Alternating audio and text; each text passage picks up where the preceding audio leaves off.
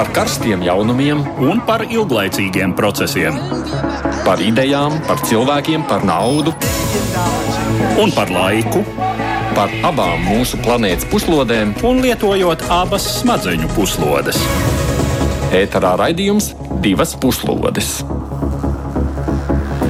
Klāt ierastais laiks ceturtdienas raidījumam, divas puslodes, kad runājam par to, kas notiek pasaulē. Kā parasti studijā esam mēs, Edvards Liniņš un Aits Tamsons, un šodien plašāk grasāmies pievērsties šādiem trim tematiem.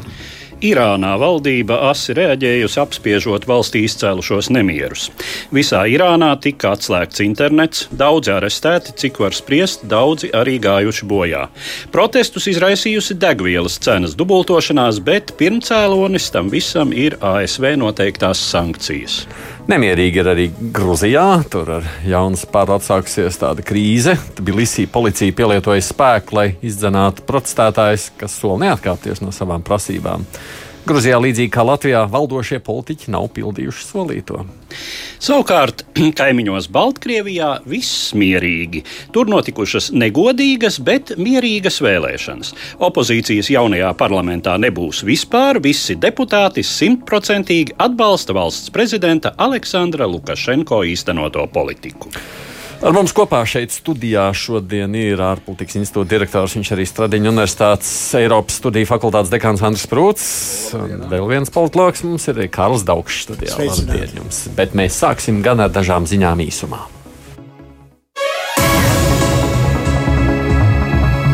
Visu nedēļu pasaules mediju uzmanība bija pievērsta Hongkongai, kur studentu pilsētiņā bija iebarikadējušies vairāki simti protestētāju, pieprasot pārmaiņas Hongkongas politikā. Pēc vairāku dienu ilgušajām sadursmēm tagad tur ir palikuši mazāk nekā simts cilvēku. Hongkongas valdība vēstīja, ka otrdienas vakarā kompleksu pametuši vairāk nekā 800 cilvēku. Vairāk protestētāji ir arī aizturēti, tā vēst vietējā sabiedriskā raidorganizācija. Kopš svētdienas vakara ir notikušas daudzas vardarbīgas konfrontācijas ar policiju, un ievainotie ir abās pusēs. Protestētāji ieņēma augstskolas kompleksu pēc tam, kad novembra sākumā protesta gaitā dzīvību zaudēja students Aleks Čovs. Sākumā protestētāji ieņēma vairāk augstskolu kompleksus, un skolas pat bija spiestas mācības pārtraukt. Bet nu, Politehniskā universitāte bija tā pēdējā augstskola, kas vēl bija palikusi protestētāju kontrolē.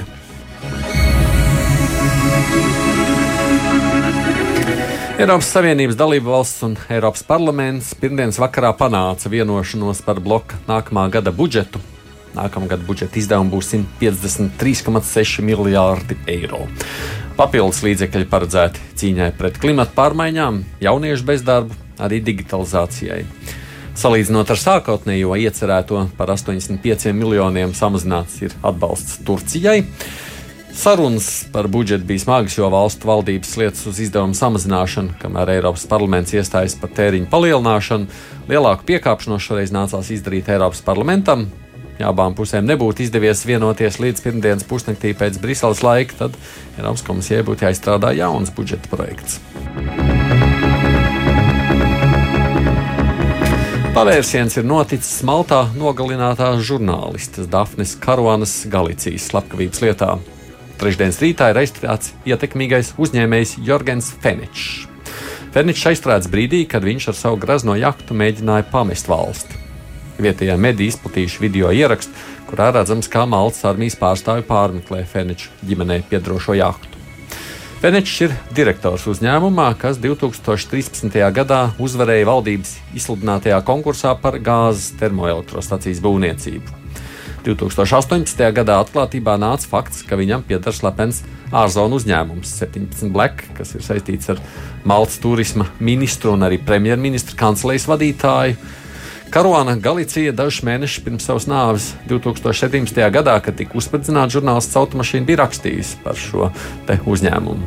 Dažas dienas pirms Fēniča aizturēšanas premjerministrs atzina, ka ir atbalstījis lūgumu apžēlot starpnieku slepkavības organizēšanā apmaiņā pret tās pasūtītāju atklāšanu.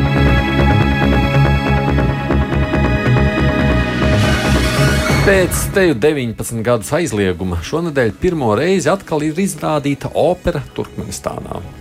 Šajā valstī tās bijušais autoritārais līderis Sapurmurats Nijāzaus bija deklarējis, ka šī mākslas forma nav savienojama ar turkmēņu mentalitāti. Opera bija redzama galvaspilsētas Aškabadas valsts teātrī. Tur starptautiskā kultūras festivāla ietvaros notika operas pajāts izrāde. Turkmenistānas un Itālijas kopija studējuma režisors Daniele Deplāno ziņa aģentūrai AFP skaidroja, ka izrāde ir daļa no abu valstu kultūras apmaiņas programmas. Kā sacīja režisors, tad viņš jūtas pagodināts, ka ir pirmais režisors, kas atved operu atpakaļ uz Turkmenistānu. Es tiešām ceru, ka tas ir sākums jaunam ceļam, lai saites kļūtu ciešākas starp Turkmenistānu un operu. It īpaši itāļu opera, tā sacīja režisors. Ir jāpiebilst, ka valstī ir aizliegts arī balets, un pagaidām nav nekādu pazīmi, ka arī to drīkstētu tuvākajā laikā rādīt.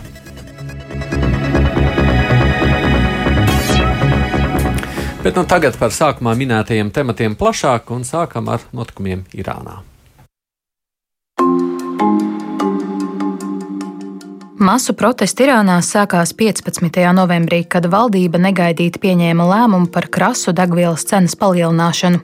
Standarta benzīna cena palielināta par 50%, pie tam patēriņš ierobežots ar 60 litriem mēnesī. Par virsnormas patēriņu Irāņu autovadītājiem turpmāk nāksies maksāt trīsreiz dārgāk nekā līdz šim. Degvielas cenu kāpums ir sevišķi sajūtams uz vispārējās ekonomikas lejupslīdes un inflācijas fona. Pēdējā gada laikā, atjaunojoties Savienoto valstu noteiktajām naftas eksporta sankcijām, valsts ekonomika sarukus par gandrīz 10%, bet Irānas reāls zaudējis vairāk nekā 40% vērtības. Protesta akcijas drīz pārauga nemieru raksturu. Demonstranti bloķēja transporta maģistrāles, tika postīti un vietām aizdedzināti transporta līdzekļi, degvielas uzpildes stācijas un bankas. Protestētāju izkliegtie saukļi vērsās ne tikai pret konkrēto lēmumu vai pašreizējo valdību, bet pret Irānas Islāma republikā pastāvošo politiski ideoloģisko sistēmu kopumā. Demonstranti skandēja nostar garīdznieku varu un nāvi diktatoram, ko var attiecināt kā uz pašreizējo prezidentu Hasanu Ruhani, tā uz Irānas augstāko garīgo līderi Ajatolu Ali Hamanei. Izskanēja saukļi slavinot savulaik gāsto šahu Rezu Pehlevī un protestējot pret valsts līdzekļu tērēšanu atbalstam kaujinieku grupējumiem Palestīnā, Libānā un Sīrijā. Tiek lēsts, ka nemieros iesaistījušies apmēram 87 tūkstoši cilvēku vairāk nekā 100 pilsētās. Vara vērsusies pret nemierniekiem ar maksimālu bardzību, demonstrantu izklīdināšanai lietojot arī kaujas munīciju. 16. novembra vakarā praktiski visā valstī tika pārtraukta piekļuva globālajiem tīmeklim, tā liedzot protestētājiem koordinēt savu darbību un arī iegūt informāciju par faktisko upuru skaitu. Varas iestādes atzinuši vien 12 nemiernieku un 3 drošības spēku pārstāvju bojājēju. Tikmēr organizācija Amnesty International min, ka tai ir ziņas par 106 cilvēku nāvi, bet novērtējot atklātībā nonākušo šaujamieroču lietošanu kadrus, tiek lēsts, ka upuru skaits varētu būt arī lielāks. Ir parādījusies informācija, ka varas iestādes neizdod bojāgājušo mirstīgās atliekas tuviniekiem pienācīgai abadīšanai un iespējams aprok nogalināto ķermeņus anonīmās kapavietās. Vairāk nekā tūkstots nemieru dalībnieku arestēti. Premjerministrs Ruhānī trešdien pasludinājis uzvaru, atvērot ārzemju ienaidnieku uzbrukumu. Viņš nodēvējis protestētājus par dumpiniekiem, kuri rīkojas saskaņā ar, citējot, reģiona reakcionāru, cionistu un amerikāņu plānu. Ar reģiona reakcionāriem domāta Saūda-Arābija, savukārt ar cionistiem saprotams Izrēla. Atgādinu, kopā ar mums studijā arī ir Andris Prūts un Karls Daugšs. Kā izstāsta, mēs varētu teikt, ka tagad tie nemieri ir apspiesti pagaidām. Protams, mums ir ļoti maz informācijas par to, kas Irānā nu, notiek. Vienmēr tas tā ir bijis. Varbūt mazliet paskatoties konceptuāli, jāsaka, ir, ka nedemokrātisks, autoritārs sistēmas labi darbojās tikmēr, kamēr tās nodrošina labklājību sabiedrībai, un kamēr tās spēja mobilizēt vai un spēja mobilizēt sabiedrību, teiksim, arī apdraudējumu kaut kādā kontekstā arī. Nu, skaidrs, ka labklājība šobrīd sankciju kontekstā ir diezgan lielas problēmas. Plus vēl problēma ir tā, kas savulaik nodrošināja faktiski Islāma valsts vai Islāma republikas izveidošanos.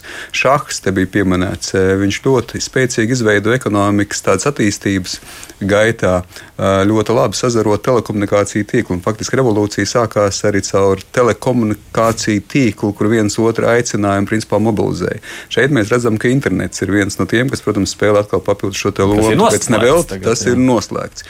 Bet šķiet, ka nu, dzīve dzīvot pasaulē bez interneta, kurā ir pieņemts, ka tā ir paša pēc sev saprotamība. To noteikti ar pārāk ilgstoši nevar tā kā skaidrs, ka protests turpināsies. Bet uh, es negribētu pārspīlēt to protestu vai nu, tādu optimismu par to, ka nu, šobrīd Irānā būs demokrātija, jo šķiet, ka tomēr tā stingrā pieeja viņa nostrādājusi arī iepriekšējās reizēs, gan 12. gadā, gan pēc tam šīs zaļās revolūcijas kontekstā. Tā kā skaidrs, ka laikam ka nevajadzētu, nevajadzētu pārspīlēt nenoliedzami kā arī apdraudējums.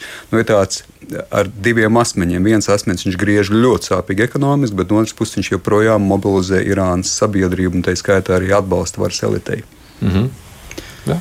nu jā, Var tikai piekrist, ka 87,000 vai mazliet vairāk, vai mazliet mazāk. Neizklausās daudz. Nu, tas procentuāli tiešām ir nedaudz, un to arī starptautiskie novērotāji un žurnālisti, kuri paši strādā Izrēlā, konkrēti es dzirdēju raidsabiedrības Deutsche Welle žurnālistu komentāru, kurš teica, ka nu, lielum lielais, protams, irāņu vairākums pat ja viņiem ir nav vairs eh, dziļu simpātiju pret šo režīmu, pat ja viņi nav uh, lielā sajūsmā par um, šīs varas to teokrātisko raksturu, kas varbūt tā bija dažus desmitgadus agrāk, tad, tad viņi tomēr nu, no vienas puses novērtē stabilitāti, kuru šī vara nodrošina valstī, un, protams, varai ir izdevies arī uh, um, sabiedrību lielā mērā, nu, var teikt, piebiedēt. Un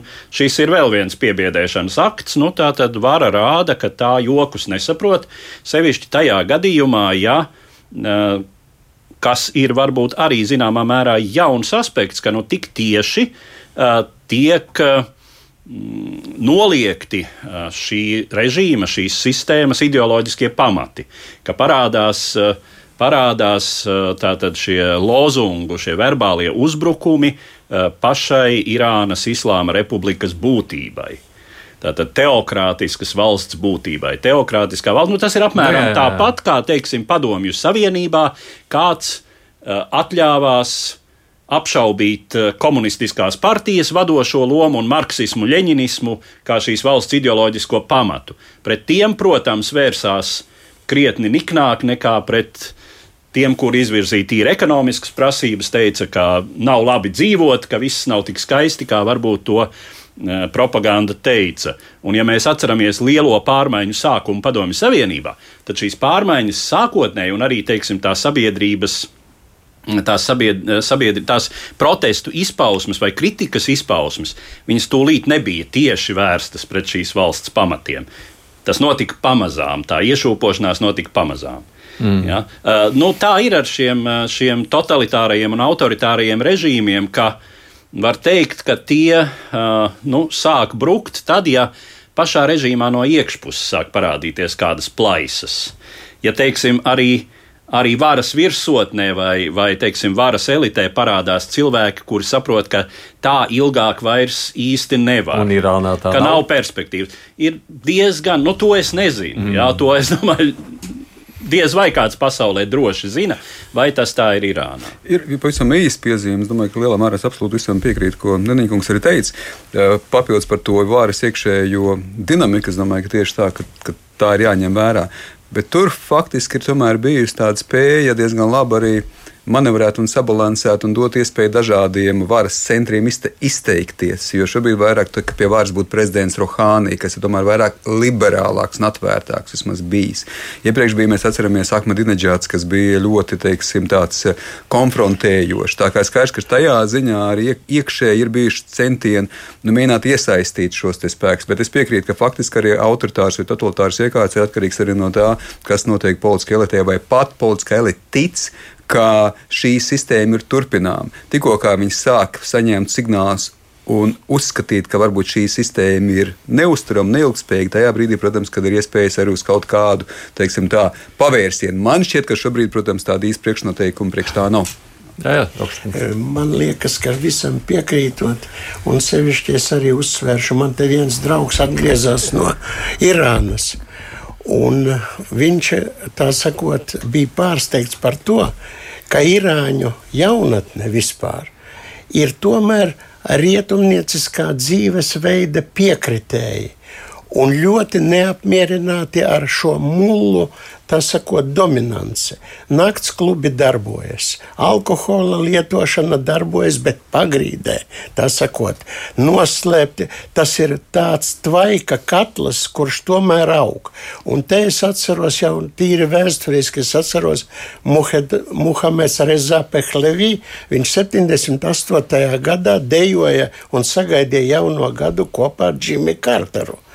Un šie, viņa virziens bija pro-rietumnieciskas dzīvesveida. Viņš mēģināja samazināt vai arī dot tai, tāpēc arī jūsu pieminētais uh, tas, ka daudzi, uh, tā sakot, atceras Muhamedu Reza Pehlevī, viņš ir saprotams. Un tāpēc šī neapmierinātība, protams, viņa ir par tām benzīna cenām.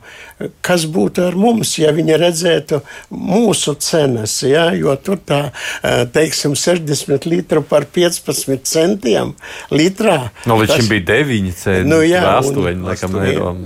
Jā, to, to viņš man arī teica, ka tas ir absolūti, tā sakot, benzīns ir vienkārši fantastiska.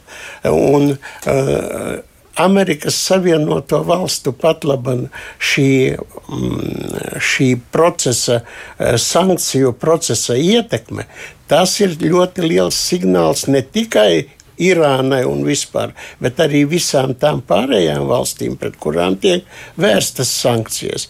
Tā ir sankciju mm. ietekme ar dziļāku, tālāku iespējamu, iespējamām sekām. Tātad ASV tomēr kaut kādā veidā izdodas ietekmēt situāciju. Ja es, domāju, es domāju, ka tas ir noteikti, eh, un pie tam jāsaka, ka daudzi rietumos analītiķi uzskata, ka vispār ir sācies jauns arābu rudens. Citi saka, pa, uh, arābu pavasaris divi, bet citi saka, ka tas ir arābu rudens. Nu, rudens parasti beidzas ar neko no lāgu. Libānas, no Libānas līdz pat Pakistānas jo Pakistānā mums vēl viens spēlētājs parasti netiek minēts šajos notikumos, un tas ir ļoti nopietnis.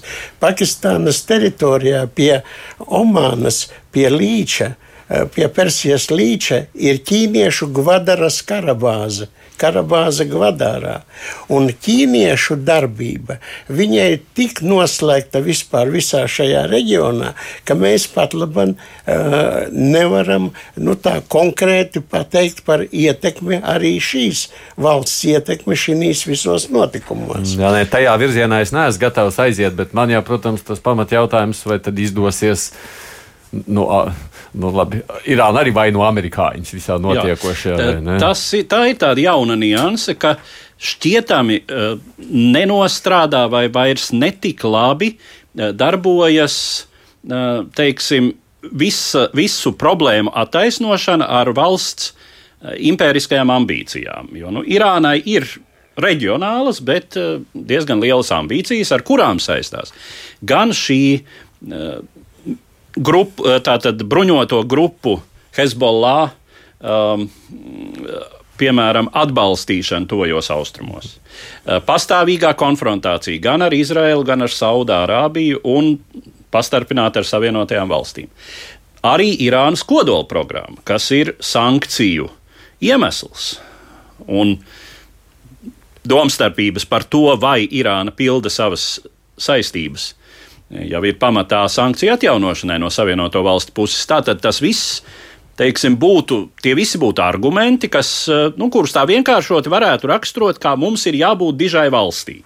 Jā, mums diezgan pazīstami motīvi. Tātad mums vajag spēcīgu armiju, mums perspektīvā iespējams vajag kodolieročus, mums ir jāpiedalās militāros procesos visā reģionā.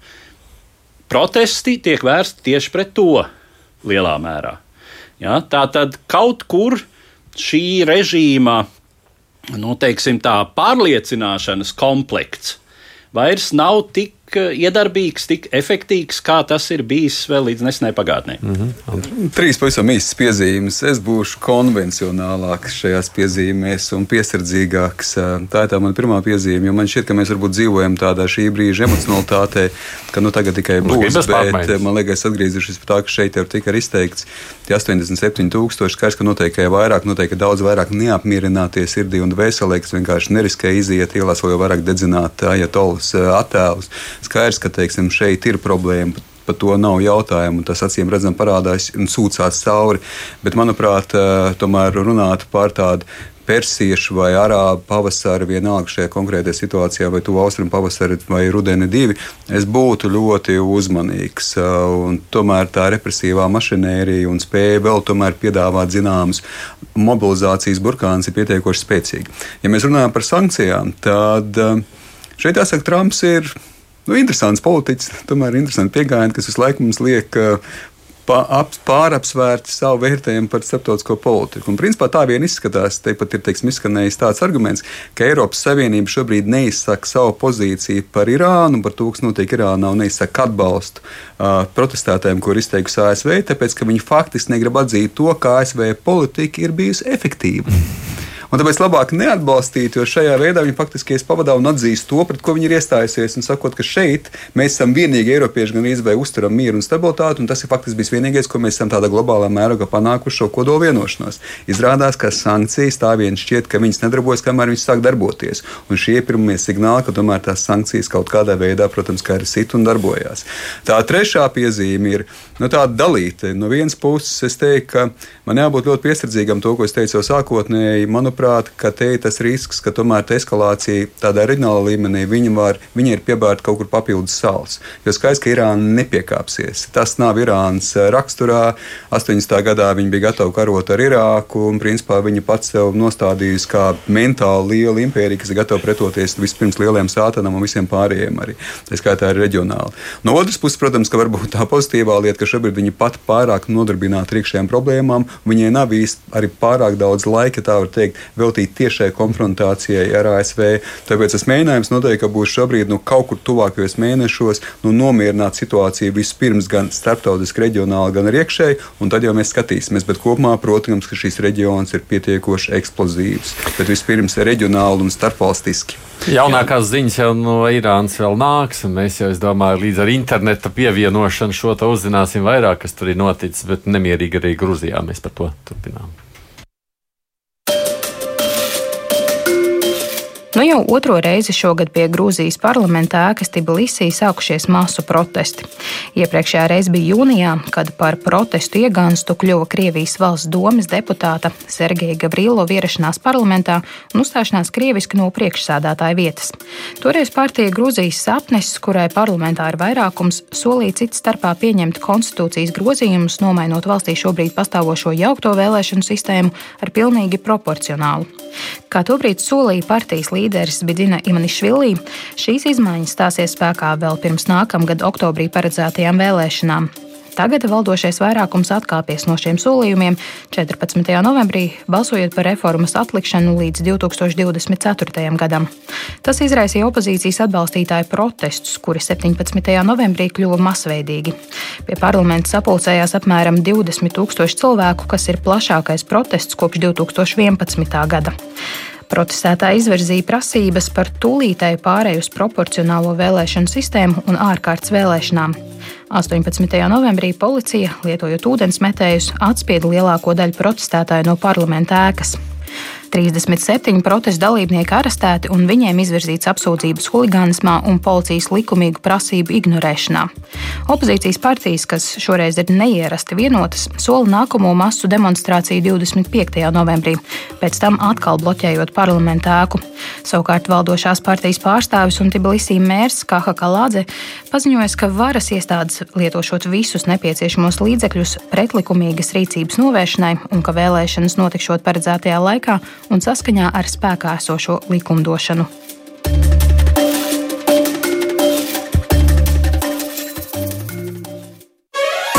Divas puslodes. Atgādījums studijā kopā ar mums ir politologs Kārls Daugšs un arī Rīgas Traģiņu universitātes profesors ārpolitikas institūta direktors Andris Sprūts. Protams, arī mēs ar Eduardu Liniņu Bet tas nozīmē, ka Grūzijā tagad gaidām nemierīgi laiki, Daugštkungs. Nu, es domāju, ka Grūzijā nekad nav bijuši pilnīgi mierīgi laiki. Bet Grūzija ir, pazli, ir ļoti precīzi formulējusi savus ārpolitiskos mērķus. Šoreiz runāju tikai par ārpolitiku. Tad viņas mērķis ir eh, integrācija rietumu struktūrās, Viņa ļoti darbojas sekmīgi Afganistānā. Viņas bruņotā vienība, ja, kura tur bataljonā apmērā, apmēram ir.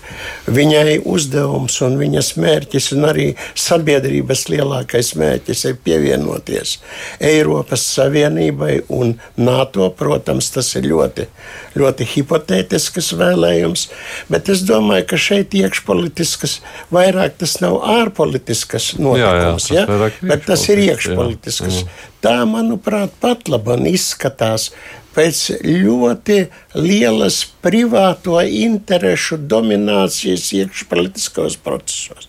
Tur ir 20 politiskās partijas, 20, un viņu pārstāvji savā starpā ir pat labi vienojušies pret, pret šo Bidzinu Ivanišvili pret uh, Grūzijas sapni. Vienotā blokā, kurš nebūs vienots, un tiklīdz būs pieņemts šis uh, proporcionālais vēlēšanu likums, izveidot stabilu valdību. Proporcionālajā sistēmā vispār ir diezgan sarežģīti, ja?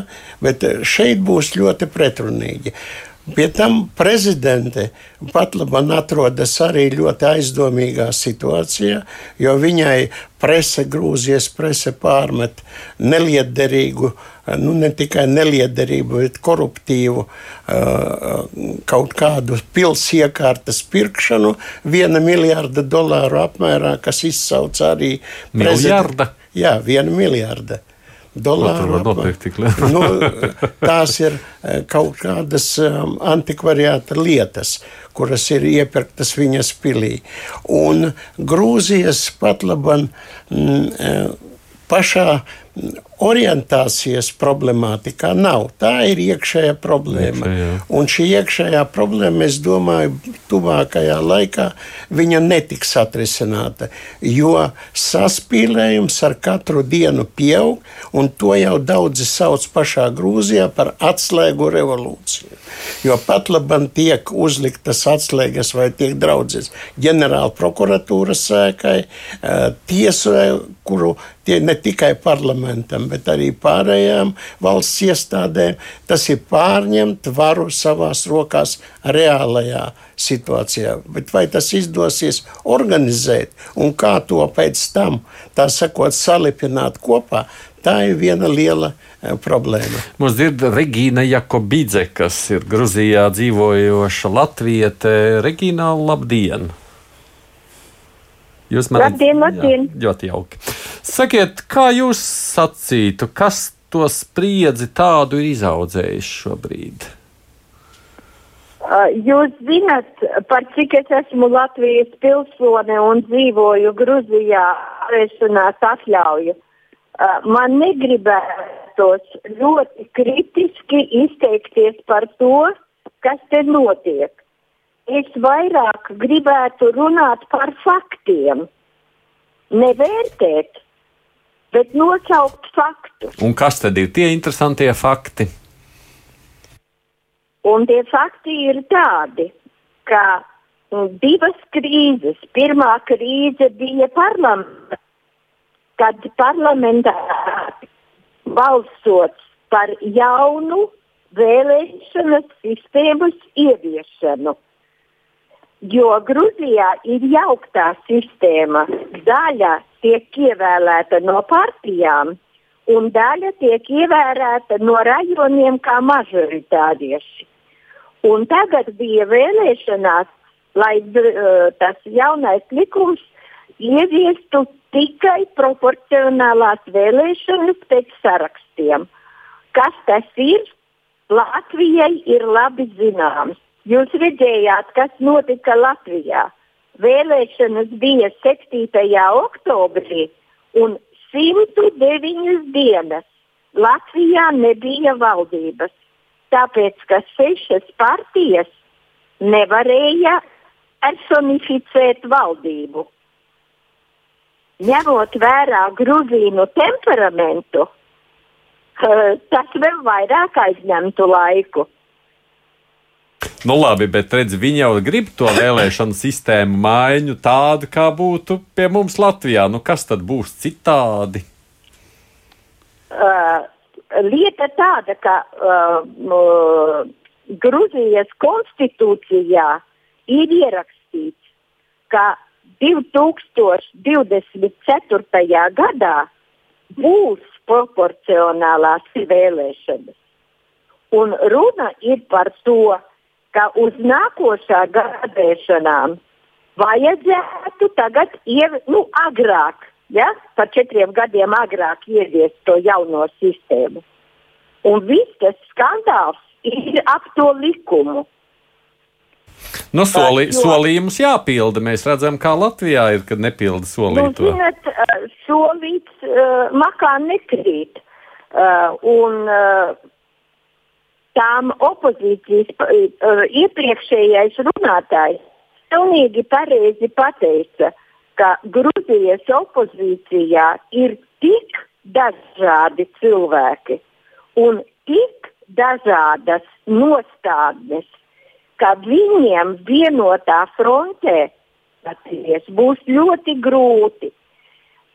Bet tagad es gribu teikt, ka tas tā krīze, kas notika parlamentā, gāja uz sabiedrību. Un tagad krīze jau vairs nav kaut kur aiz durvīm, bet nu krīze ir uz ielas. Un uz ielas ir izvesta tauta. Vislielākā tauta bija pirmdien, 18. datumā. Kas notiek šodien? Es gribu teikt, ka tautas uz ielas praktiski vairs nav. Ir palikušas nelielas aktīvistu grupas. Šodien notika trīs akcijas. Šodien. Pirmā akcija bija pie valdības ēkas, Un to, ko es redzēju televīzijā, to nevar teikt, ka tā ir tautas protests. Tur bija 50 cilvēku, un tie visi bija līderi.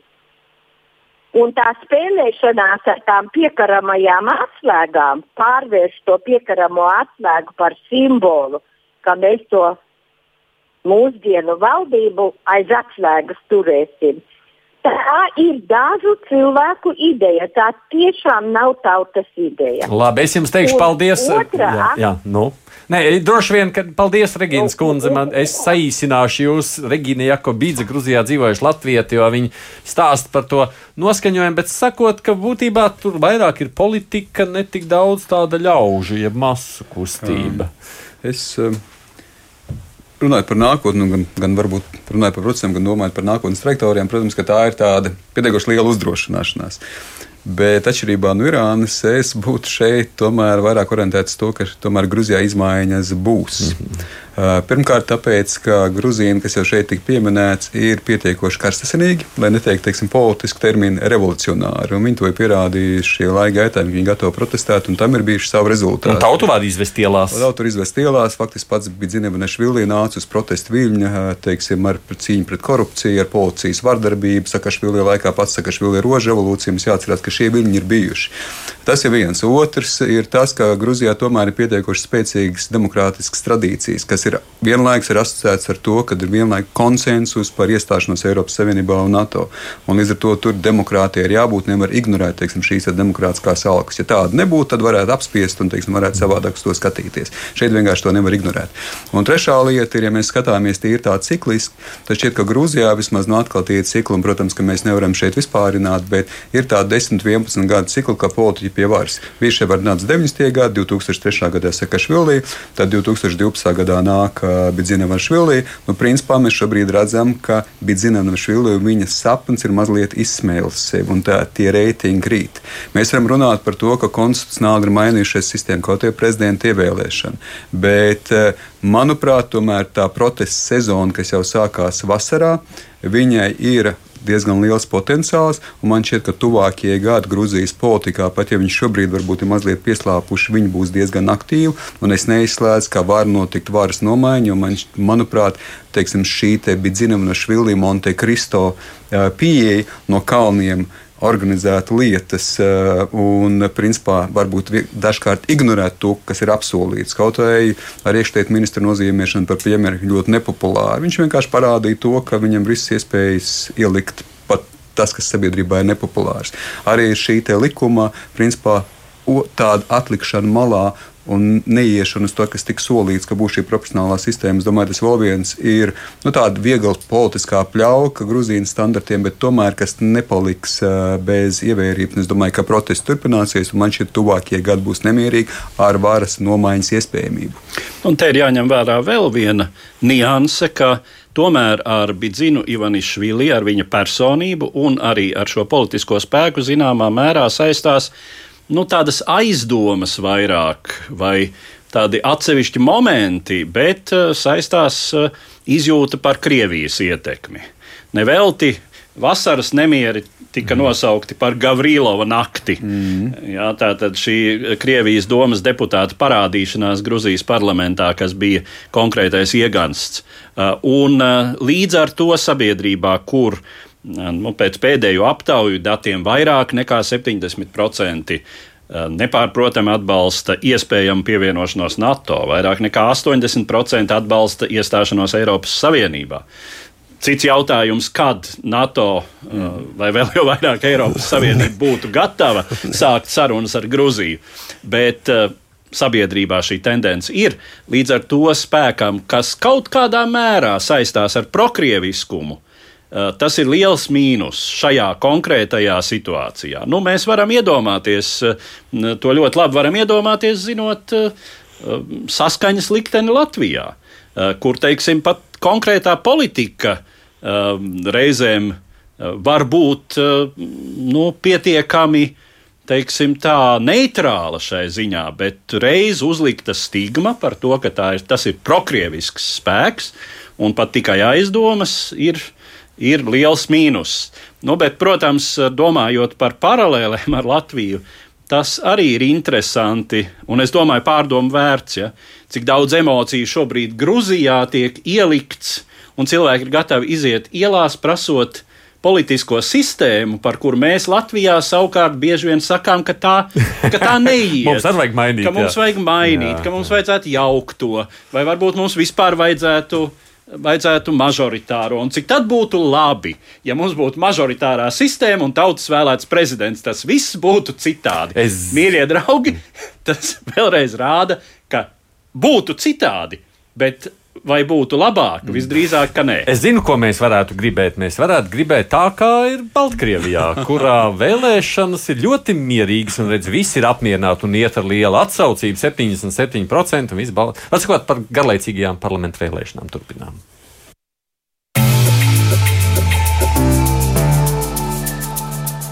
Apzīmējums garlaicīgās vēlēšanas, raksturojot 17. novembrī notikušo Baltkrievijas parlamentu pārstāvju palāca ievēlēšanu, parādās nevienā viena starptautiskā mediju virsrakstos.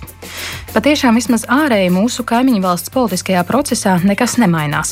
Pirms vēlēšanām vērojamā salīdzinoši lielākā opozīcijas aktivitāte, tā skaitā izvirsot jaunus un salīdzinoši mazpazīstamus kandidātus, sastapusies ar prognozējumu varas reakciju iedarbinot jau aprobētus nevēlamo kandidātu atsījāšanas mehānismus.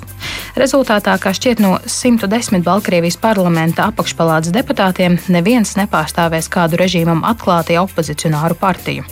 Vēl spilgtāks gan ir fakts, ka tikai 21 no 110, jeb 24% no ievēlētajiem vispār pārstāv jebkādu politisko partiju, pārējie ir bezparteiskie. Kā norādījuši starptautiskie novērotāji, vēlēšanas noritējušas mierīgi, taču pati Baltkrievijā pastāvošā politiskā sistēma neatbilst demokrātijas un pilsoņu tiesību standartiem, un parlaments tās ietvaros nav uzlūkojams par neatkarīgu likumdevēju varu. Pats interesantākais notikušo vēlēšanu sakarā ir prezidenta Aleksandra Lukašenko izteikumi kameru priekšā pēc nobalsošanas vēlēšana iecirknī.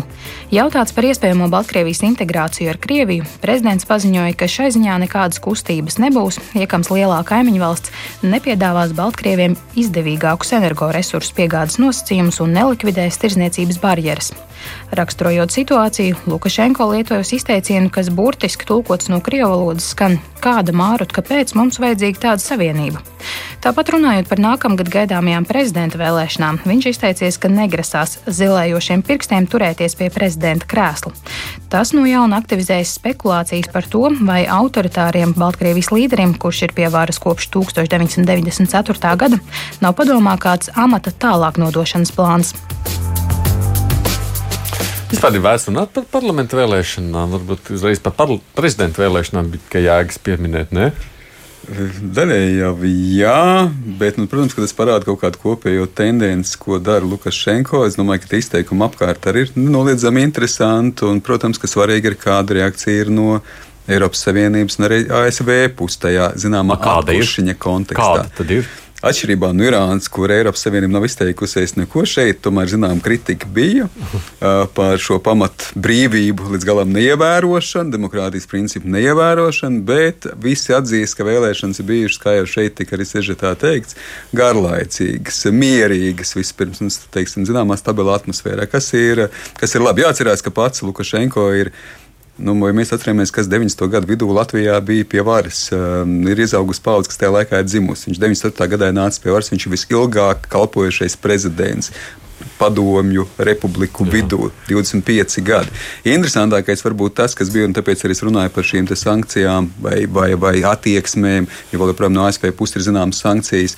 No rietumu sabiedroto puses ir, protams, kā arī vēlēšanu kontekstā viņš ne tikai paziņoja par attiecībām ar Krieviju, bet viņš arī paziņoja to, ka viņš ir gatavs ierasties 20. gada pirmajā pusē Latvijā pie savas brālīgās, uh, brālīgās kaimiņu tautas. Tā kā es domāju, ka šeit šis jautājums par to, kas ir noticis ar parlamentu vēlēšanām un kā izskatīsies nākamā gada prezidenta vēlēšanas, mums drīz kļūs arī par vieti, vietējo, iekšējo, zinām, nelielu, bet tomēr politisko aktualitāti. Par ko runāt, Edvards? Nu, jā, tā tas ir, ka prez, nu, faktiski laikam tāds zināms laikmets šai postpadomi telpā beidzas. Un, ir izaugusi jauna paudze, kura par ko runā arī Krievijas sakarā un arī Kazahijas sakarā. Nu, cilvēki, kuri nevienu citu pie varas nav redzējuši. Un tad ir jautājums, kā šādā situācijā, jo nu neviens nav mūžīgs. Un uh, kaut Lukašenko ir, uh, cik var spriest, lieliska veselība viņa Jā, vecumā. Viņš tur hokeju spēlē, kartupeļus roku katru rudeni, kameras priekšā, uh, sienu pļauj un grābi un ko tik visu viņš tur nedara. Vārdu sakot, svīst nepajokam un, un izskatās brīžiem spraunāks nekā Putins. Mm. Nu, vienīgi ar Kailu Torsu nejāja, bet nu, tas nu tā. Nu, un, tomēr, tomēr nu, viņam nav nemaz tik maz gadu. Uh, Eh, viņam ir eh, trīs nu jau pieauguši dēli, un tad ir jautājums, nu, kas tad būs tālāk? Teiksim, eh, ja būtu runa par Azerbaidžānu vai iespējams kādu no Centrālā Azijas valstīm, nu, tad diezgan skaidrs, ka šajā gadījumā problēma būtu maz, jo nu, vismaz vienam no dēliem, ja, viņam esot teiksim, tas jaunākais, kurš esot viņam vismīļākais dēls, kuru viņš ir ņēmis līdzi daudzās. Daudz uh, nu, tūlīt vairs nebūs par daudz jauns, droši vien. Un galu galā nu, viņš ir ņemts līdzi uz tikšanām ar, tikšanās ar, ar Obamu, ar Romas pāvestu un tā tālāk. Nu, vai arī tad ir jāmeklē kāds nākamais uh, kolhoz priekšsēdētājs, uh, kur varētu šai. Vai arī nu, trešais variants, ka ir kaut kādā veidā nu, līdz ar vadoņa aiziešanu jānomainās arī visai sistēmai. Un, uh, Par to es domāju, mēs varētu spekulēt o. ilgi un dikti. Ja? Mūsu dzird šobrīd Briseles Brīvās Universitātes doktoranta Diana Pačomkina. Labdien, Diana! Labdien! Kā izskatās, ir jau kādas pazīmes, ka kaut kas varētu Baltkrievijā mainīties? Nu, es domāju, tas, ka kaut kas varētu mainīties, ir uh, savā ziņā laika jautājums, bet tas, uh, teiksim, nav šobrīd iespējams paredzēt, kas tieši notiks. Liela iespējamība, kā jau šeit tika minēts, ir tas, ka tiešām ir tāda varas pēctecība ģimenē, ka kāds no Lukašenko dēliem pārņem viņa pozīcijas, bet tepat laikā mēs redzam, ka tas attiecības ar Krieviju sāsinās. Jā, tā kā Krievija arī vēlas uh, savu ietekmi uh, šajā kaimiņu valstī, jā, tā kā nav izslēgts arī, ka varētu notikt kaut kādas pārmaiņas, kas nostiprina tieši šo Krievijas nepastrādāto varu. Mm, nu, vai arī vienmēr ir iespējama vēl kāda revolūcija, bet um, uh, pašlaik, uh, skatoties, uh, jā, teiksim, neapmierinātība ar prezidentu ir ievērojami liela. Bet Baltkrievijas sabiedrībā teiksim, tāda gatavība uz tādu masveida kaut kādu revolūciju nav sevišķi, sevišķi liela pagaidām. Nu, kur, tas bet, kaut kāds varētu mainīties, bet varētu mainīties dažādos veidos. Bet kur tā, tā neapmierinātība neizskatās, ka viņi būtu redzami, ja parlamentu vēlēšanās 77% atnāk un nobalso tikai par pozīciju? Nu, mēs varam, protams, vispirms apšaubīt, vai viņi visi tiešām atnāk un vai viņi visi tiešām brīvprātīgi nobalso. Ja? Jo tur arī ir vairāk nekā trešdaļa balsu ir uh, pirmstermiņa vēlēšanās, jau tā kā iepriekšējā balsošanā. Un iepriekšējā balsošanā jau parasti notiek tā, ka aiziet uz uh, skolām, uz visādām iestādēm, jā, tā kā un, uh, nu, ir diezgan skaidrs instrukcijas bieži vien, ka, ka ir jānobalso un arī par ko. Jā, un otra lieta ir tāda, ka Baltkrievijā tas uh, autoritārais režīms ir konsolidēts jau uh, 25 gadus. Un, uh, tur vienkārši nav tādas iespējas, tur nav brīvas piekļuves, teiksim, masu mēdījiem, vai uh, nav iespēja brīvi rīkot demonstrācijas vai kaut kādas tikšanās ar vēlētājiem, lai varētu viņiem piedāvāt kaut kādu um, alternatīvu jēgpilnu. Mm. Paldies, es saku Diāna Patjomkina, kas ir Briseles brīvās universitātes doktorante. Kā, kā jūs raksturot to situāciju? Man liekas, ka šeit mēs mazliet pārspīlējam visus šos procesus, kuri mums te kaimiņos notiek. Pirmkārt, būsim taču atklāti. Opozīcijas Baltkrievijā nav. Viņai nav ko piedāvāt tautai un viņa nav neko piedāvājusi. Ir viens cits process, kuru grib sākt vadīt arī varbūt pats Lukašenka netieši. Tā ir tā saucamā Bielorusizācija. Tas ir Baltkrievu valodas, Baltkrievu kultūras, dažu vēsturisko faktu pārvērtēšana, kura būtu antikrieviska noskaņota. Tas ir viena puse, to varētu izvērst ļoti plaši, balstot otra puse. Kāpēc šodien Stoltenbergs ir paziņojis, ka mēs esam ļoti norūpējušies par Baltkrievijas suverenitāti, un mēs uzskatām, ka Baltkrievija pieder Eiropai. Un es šeit gribētu vēl atkārtot, katreiz Vaclavs Havels, tad, kad viņš runāja par Eiropu, viņš teica, ka Eiropas austrumu robeža beidzas tur, kur Baltkrievijas austrumu robeža kas attiecas atti uz Krieviju. Krievijai tomēr ir divi procesi prātā. Pirmais ir militāri tehniskais. Tas ir ļoti nopietns process, jo tur, kā jūs zināt, visas zemūdens, kuras pat labi vago okeānus, Krievijas zemūdens, atomzemūdens, tiek uh, vadītas caur Baltkrievijas teritoriju, Viļeikas bāzi.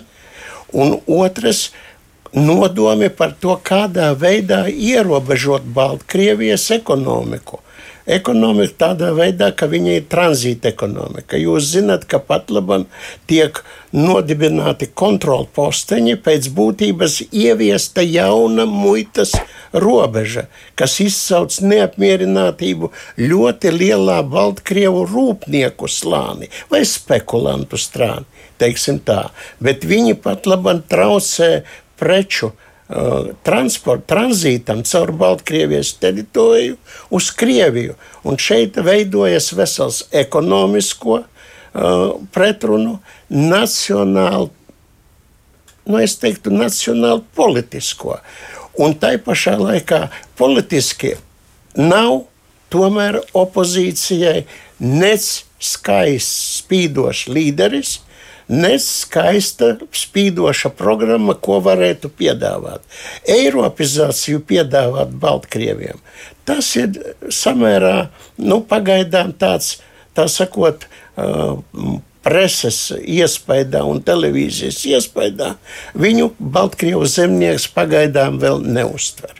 Mhm. Un privatizācija, kuru piedāvā Krievija, privatizācija netiek saistīta ar Eiropu. Privatizācija ir bubulis privātais kapitāls un likvidācija ir tā sakot arī Eiropas prasība. Tā ir tāda pretrunīga. Bet šeit es gribētu paturpināt to, ko teica Andris.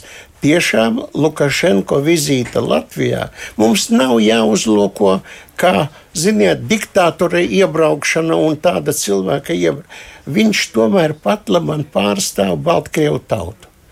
Un viņi būs mūsu kaimiņi. Vien, vieni no, ziniet, labākajiem. Es vienmēr esmu uh, dienējis un uzsvēris atšķirības starp Krievu un Baltkrievu. Viņam pat uh, pasakas ir daudz mierīgākas. Trīs pavisam īstas lietas. Uh, viens, domāju, ka Lukašenko ir izveidojis talantīgi zināmu sistēmu, kas nu, līdz galam neapmierina nevienu, bet ar tā skaitā kaut cik minimāli apmierina pilnīgi visus. Gan, protams, pašu Baltkrievijas tautu, tāds zināms Baltkrievijas padomju savienības stabilitātes ar viegli stagnējošu elementu, bet tomēr stabilu un, zinām, labklājības elementu modelis. Krievija, jo principā ir zināms protektorāta elements, un mēs zinām, Zapad mācības notiek arī mācības Baltkrievijā, Krievija tā kā faktiski ir klātesoša, arī ir Eirāzijas ekonomiskajā savienībā Baltkrievija. Tajā pašā laikā arī rietums, jo Baltkrievija tomēr saglabā savu suverenitāti. Lukašenko ir tas, kas spēj turēt pretī arī Putinam.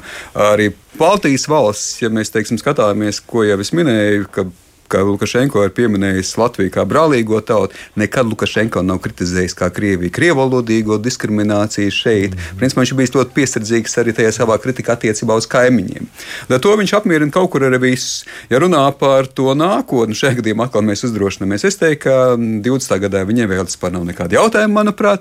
Viņiem vēlēs ir 25. gadā. Jāatcerās, ka viņam šobrīd ir 65 gadi, un ar 25. gadā viņam būs ap 70 gadiem. Viņš joprojām ir jaunāks jā, nekā Putins jā. un daudzi citi. Un, un Amerikas prezidents Jā, un vēl viena lieta, varbūt tikai pavisam maz par dēliem un meitām. Ir interesanti tas, ka principā tur, kur ir dēla autoritārās sistēmās, viņi manto kā, kā Lievkungs, tur, kur ir meitas, kā tas bija Uzbekistāns, Kazahstāns vai Turkmenistāns gadījumā, tur jāatrod kāds cits. Tā kā skatoties no tā, varbūt jā, jā. ir tie dēli. Pusminūte. Jā, pusminūte. Dēliem vispār nevajadzētu runāt, jo ne. tur ir pretrunas starp dēliem, ļoti spēcīgas starp citu. Jūs paskatāties, kas vēl ko, ko nodarbojas vecākais dēls. Un vecākais dēls kontrolē visus slepenos dienestus, visus. Tieši Bet eh, tieši koļa jaunākais, viņš ir izkārtne, kuru vazā līdzi, un pie, pat pie Sinķeo piņa uz Kīnu, un tā tālāk, kā jūs pareizi teicāt. Mm. Bet tai pašā laikā tā ir tikai Izkārtne. bilde. Kārls Daugšs, politologs, Andris Prūts, politologs, Edvards Liniņš. Nu, politologs, politologs jau gandrīz, jau kolēģis Saits Tomsons arī studijā. Procenti ievzējas, paldies, ka bijāt. Tiksimies atkal pēc nedēļas šeit studijā. Divas puslodes!